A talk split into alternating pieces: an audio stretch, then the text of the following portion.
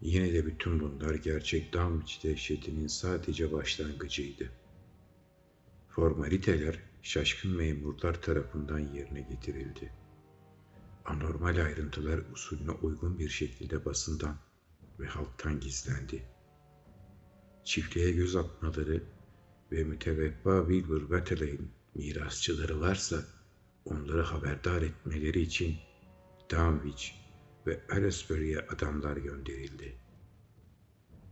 Bu görevliler hem kubbe şeklindeki tepelerin içinden gelen gümbürtülerin artması yüzünden hem de Vatadayların evlerinin tahtayla kaplanmasıyla oluşturulmuş büyük boşluktan gelen ve giderek artan alışılmadık pis kokular, dalgalanma ve çarpma sesleri yüzünden köylüleri büyük bir heyecan içinde buldular. Wilbur'un uzakta olduğu süre içerisinde atlara ve sığırlara bakan Earl Sawyer tam bir sinir hastası olup çıkmıştı. Görevliler iğrenç kokulu tahta kaplı yerlere girmemek için bahaneler icat ettiler ve araştırmalarını memnuniyetle Wilbur'un yaşadığı kısımlara, yeni onarılmış sundurmalara yapılan bir ziyaretle sınırladılar. Aylesbury'deki mahkemeye kallavi bir rapor sundular ve bugün yukarı Miskatonik Vadisi'nde yozlaşmış ya da yozlaşmamış sayısız Vatedey arasında hala miras davalarının sürmekte olduğu anlatılmaktadır. Kocaman bir defteri kebire tuhaf karakterlerle yazılmış olan ve aralıklarıyla mürekkepteki değişiklikler yüzünden bir tür günlük olduğuna hükmedilen bitmez tükenmez bir el yazısı bu defteri sahibine çalışma masası hizmeti veren eski bir masanın çekmecesinde bulanlar için tam bir muamma oldu. Bir haftalık bir görüşmeden sonra günlük mütevaffanın tuhaf kitap koleksiyonuyla birlikte incelenip çevrilmek üzere Miskatonik Üniversitesi'ne gönderildi. Ama kısa sürede en iyi dilciler bile metni kolaylıkla çözemeyeceklerini anladılar. Wilbur'un ve ihtiyar Vatalay'ın borç ödemede her zaman kullandıkları eski altınlarınsa hala izine rastlanılmış değildi. Kıyamet 9 Eylül gecesi koptu. Akşamleyin tepeden gelen gümbürtüler fevkalade artmış ve bütün gece köpekler yırtınırcasına havlayıp durmuştu. Erkenden kalkanlar havayı garip, pis bir kokunun doldurduğunu fark ettiler. Saat yedi civarında Soğuk Pınar Vadisi ile köy arasında yer alan George Corey'in çiftliğinde sırtmaş olarak çalışan genç Luther Brown, sabahleyin sığırları götürdüğü Dan Ekra Meadow'dan çılgınlar gibi koşarak köye geri döndü. Delikanlı kendini dar attığı mutfakta korkudan spazm geçirirken çocuğu takip etmiş olan sürü de arka avluda panik içerisinde yere eşeliyor, böğürüyordu. Luther zaman zaman soluğu kesilerek ve kekeleye kekeleye Bayan Köre'ye öyküsünü anlattı. Orada yolun ötesinde Bayan Korey bir şey bir şey var. Gök gürültüsü gibi kokuyor ve sanki oradan bir ev geçmişçesine çalılara küçük ağaçlara geriye yatmış. Ve, ve en kötüsü bu değil. Yolda Bayan Kore izler var. Bir varilin kıçı kadar kocaman. Yuvarlak izler. Bir fil basmış gibi. Hepsi de derin. Ama hiç de dört ayağın bırakabileceği hislere benzemiyor. Kaçmadan evvel bir ikisine baktım ve her birinin tıpkı büyük bir palmiye yaprağı gibi çizgilerle kaplı olduğunu gördüm. İzler yola doğru gidiyordu. Sonra pis bir pis bir koku. Tıpkı büyücü Batele'in eski evinin oradaki gibi. Burada çocuk kekelemeye ve onu eve kaçırtan korkuyla yeniden titremeye başladı. Daha fazla bilgi edinemeyen Bayan Corey komşulara telefon etmeye ve esas dehşetin habercisi olan bir paniğin tohumlarını atmaya başladı. Vatalayları en yakın yer olan Seth Bishop'ların çiftliğinin kahya kadını Sally Sevir'e ulaştığında bilgi aktarmak yerine dinleme sırası ona gelmiş oldu. Çünkü Selin'in sığırtmacı, kötü geçirdiği bir geceden sonra vatereyleri yakın tepelere doğru yollanmış ve Bay Bishop'ın sığırlarının bütün gece dışarıda bırakıldığı otluğa bir göz attıktan sonra dehşet içinde hızla koşarak geri dönmüştü. Evet Bayan Corey, dedi telin diğer ucundaki Selin'in titrek sesi. Cane gönderildiği yerden biraz önce döndü. Öyle tırsmış ki dili tutulmuş. Diyor ki, ihtiyar Vate'den evi tümden havaya uçmuş. İçine dinamit konmuş gibi keresteler etrafa dağılmış. Sadece zemin kat yerinde duruyormuş. Ama pis pis kokan ve parçalanmış kerestelerin kenarından damla damla yere sızan katran gibi kıvamlı bir maddeyle kaplıymış. Ve havluda da en beterinden izler varmış. Bir fıçıdan daha kocaman, yuvarlak izler ve hepsi de havaya uçan evdeki gibi bir maddeyle yapış yapışmış. Cheney diyor ki, izler büyük bölümü biçilmiş olan otluğa ve hasırla kapatılmış bir ahıra doğru gidiyormuş. Ve izlerin uğradığı her yerde bütün taş duvarlar yıkılmışmış. Ve diyor ki Bayan Corey, korka korka setin sığırlarını aramaya çıkmış ve onları yukarı otlakta, neredeyse şeytanın oyun alanında bulmuş.'' Sığırların yarısı sırra kadem basmış. Öbür yarısı tıpkı Lavinia'nın kara veledinin doğduğundaki gibi yara bere içinde kanı çekilmiş vaziyette yatmaktaymış.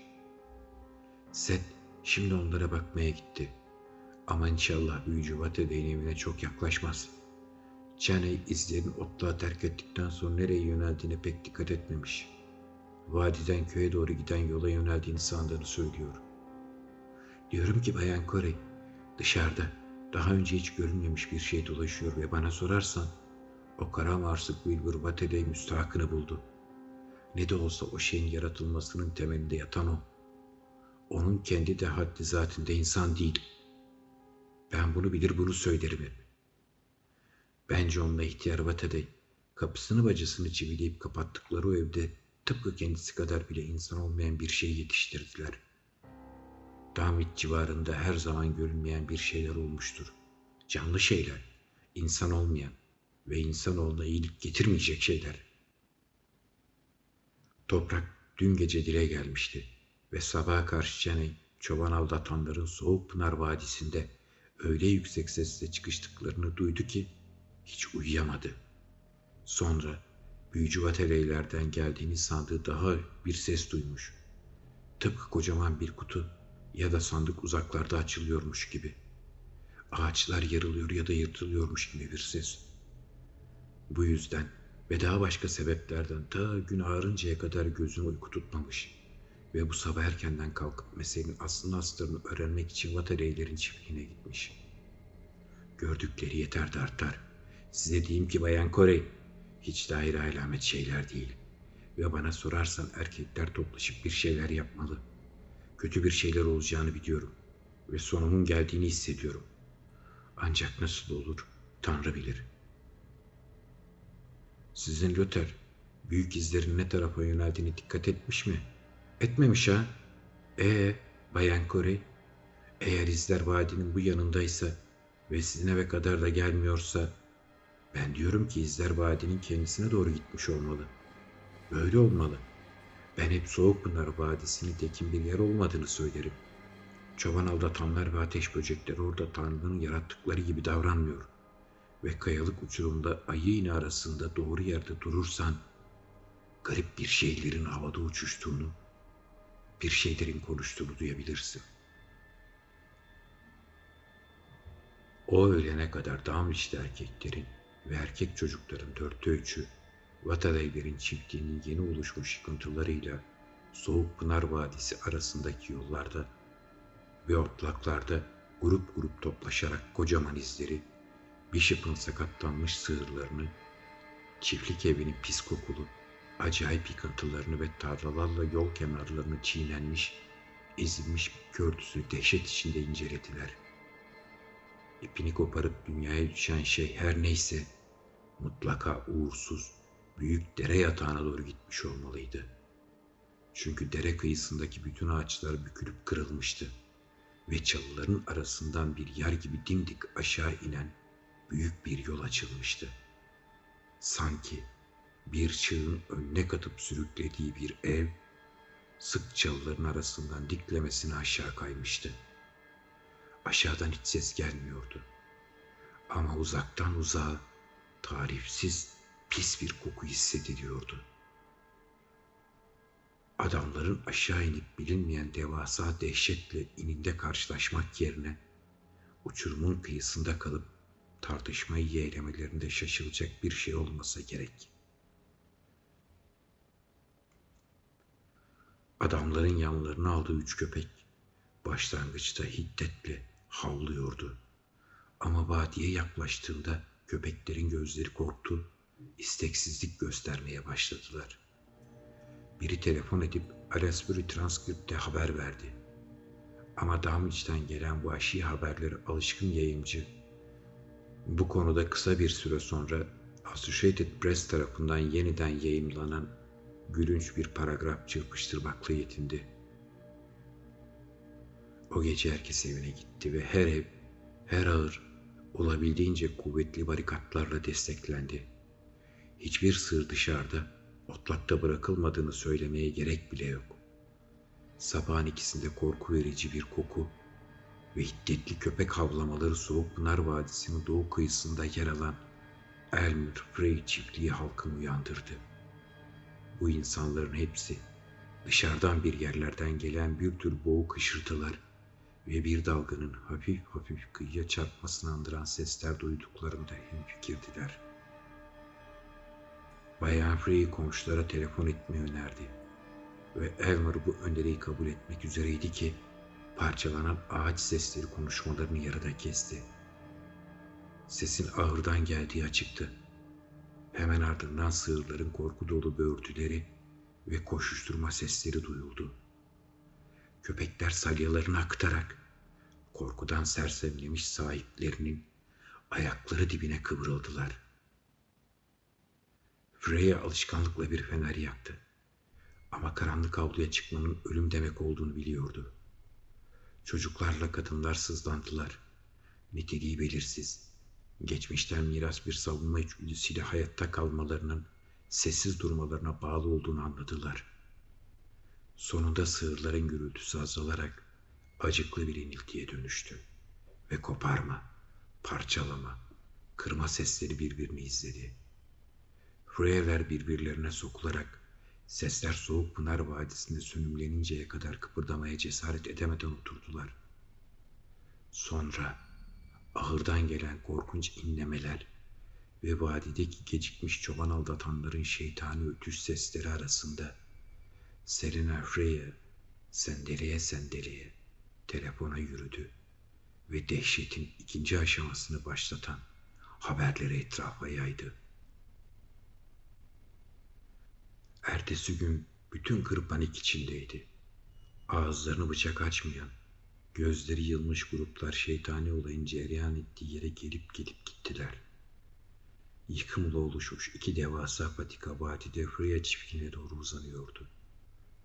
Otsuz yerlerde kocaman kocaman izler vardı ve kırmızıya boyalı eski ahırın bir tarafı tamamen çökmüştü. Sığırlardan sadece dörtte biri bulunup tanınabildi. Bunların bazıları garip bir şekilde parça parça olmuştu ve yaşamaya devam eden hayvanlarınsa hepsini vurmak gerekti. Earl Sawyer, Aylesbury'den veya arkamdan yardım istenmesini teklif etti. Ama diğerleri bunun işe yaramayacağını ileri sürdüler. Vatelayların çöküntüyle sağlamlığın ara yerinde duran kolundan ihtiyar Zebdon Vatelay, dağ başlarında ayinler yapılması konusunda çılgınca önerilerde bulundu. İhtiyar Zebulon geleneklerin gücünü koruduğu bir soydan geliyordu. Ve büyük taş halkaların etrafında ilahiler okunması konusundaki anılarının Wilbur'la ve dedesiyle hiçbir bağlantısı yoktu. Felaket uğramış ve gerçek bir savunma örgütleyemeyecek kadar silmiş kırların üzerine karanlık çöktü. Bazı çok yakın aileler bir çatı altında toplanıp kaygılar içinde karanlığa gözlerini dikerlerken çoğunluk önceki gece yaptığı gibi evlerinin etrafına barikatlar kurup bir işe yaramayacağını bile bile çakar almaz tüfeklerini doldurup tırmıklarını el altında tuttu. Ancak tepelerden gelen bazı sesler dışında o gece bir şey olmadı. Ve sabah olduğunda bu yeni dehşetin geldiği gibi çabucak gittiği umuduna kapılan bir yığın insan vardı. Hatta saldırı amaçlı bir araştırma grubunun vadiye doğru yola çıkmasını önerecek kadar cesur öneriler yapıldıysa da öneri sahiplerinden hiçbiri isteksiz çoğunluğa örnek olmayı göze alamadı. Gece olduğunda yeniden barikatlar kuruldu. Ancak bu defa bir araya toplanıp birbirine sokulan daha az aile vardı. Sabah olduğunda hem Free'ye hem de Seth Bishop'ların köpeklerin telaşa kapıldığını, uzaktan neydi belirsiz pis koku ve seslerin duyulduğunu bildirdiler. Öte yandan erkenden keşfe çıkanlar, Sentinel Hill'in eteklerindeki yolda yeni bir dizi deviz dehşetle fark ettiler.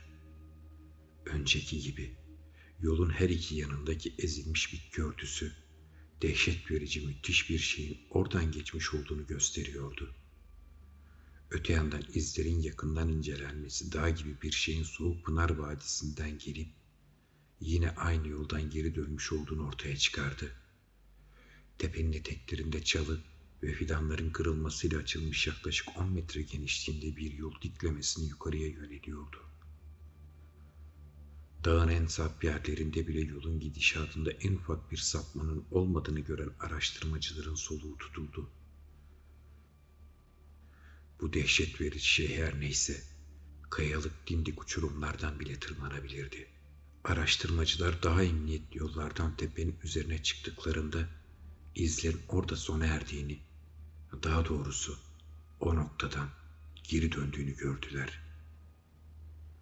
Burası Vatalayter'in cehennemi ateşlerini yaktıkları ve Mayıs arifesiyle hortlaklar gecesi kutlamalarında masaya benzeyen taşın yanında cehennemi ayinlerini yaptıkları yerdi. Şimdi geniş bir alanın tam merkezini oluşturan taş, daha büyüklüğündeki korkunç şey tarafından vurulup yıkılmıştı. Taşın hafif çukur yüzeyini korkunç şey kaçarken Vatadayder'in çiftliğinin yıkıntılarında görülen o yapış yapış katranımsı maddenin aynısı pis kokulu bir birikinti doldurmaktaydı. Adamlar birbirlerine bakıp fısıldaştılar. Sonra tepeden aşağı baktılar. Korkunç şeyin çıktığı yoldan aşağı indiği anlaşılıyordu. Akıl yürütmek boşunaydı. Akıl mantık ve güdülerle ilgili normal fikirler birbirine karışmış vaziyetteydi. Şimdi sadece grupla birlikte olan ihtiyar Zebulon durumun hakkını veriyor ve makul bir açıklama yapabiliyordu. Perşembe gecesi diğer birçok gece gibi başladı ama daha az umutlu bitti.'' Vadideki çoban aldatanlar öylesine alışılmadık bir ısrarla çığırıştılar ki çoğu insanı uyku tutmadı. Ve sabahın üçünde yörenin birbirine paralel bağlı bütün telefonları acı acı çaldı.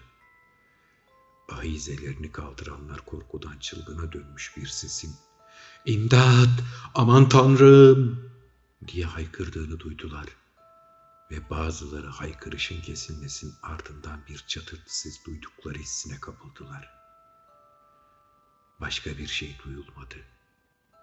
Hiç kimse bir şey yapmaya cesaret edemedi. Ve sabah olup da telefon gelinceye kadar kimse bir şey öğrenemedi. Sonra bunu duymuş olanlar hattaki herkese telefon ettiler. Ve sadece Free'lerin yanıt vermediği görüldü. Gerçek, acelece toplanmış silahlı bir grup insanın çetin bir yürüyüşte Freyler'in vadinin başlangıcındaki çiftliğine ulaşmasından sonra ortaya çıktı. Durum dehşet vericiydi. Ancak pek sürpriz sayılmazdı. Bitki örtüsü ezilmişti ve birçok devasa iz vardı. Ama evin yerinde yerler esiyordu. Ev bir yumurta kabuğu gibi içine göçmüştü ve yıkıntıların içinde ne ölü ne canlı bir tanrı kulu vardı. sadece pis bir koku ve yapış yapış katranımsı bir madde vardı. Elmer Freya ve ailesi Dunwich'ten silinmişti.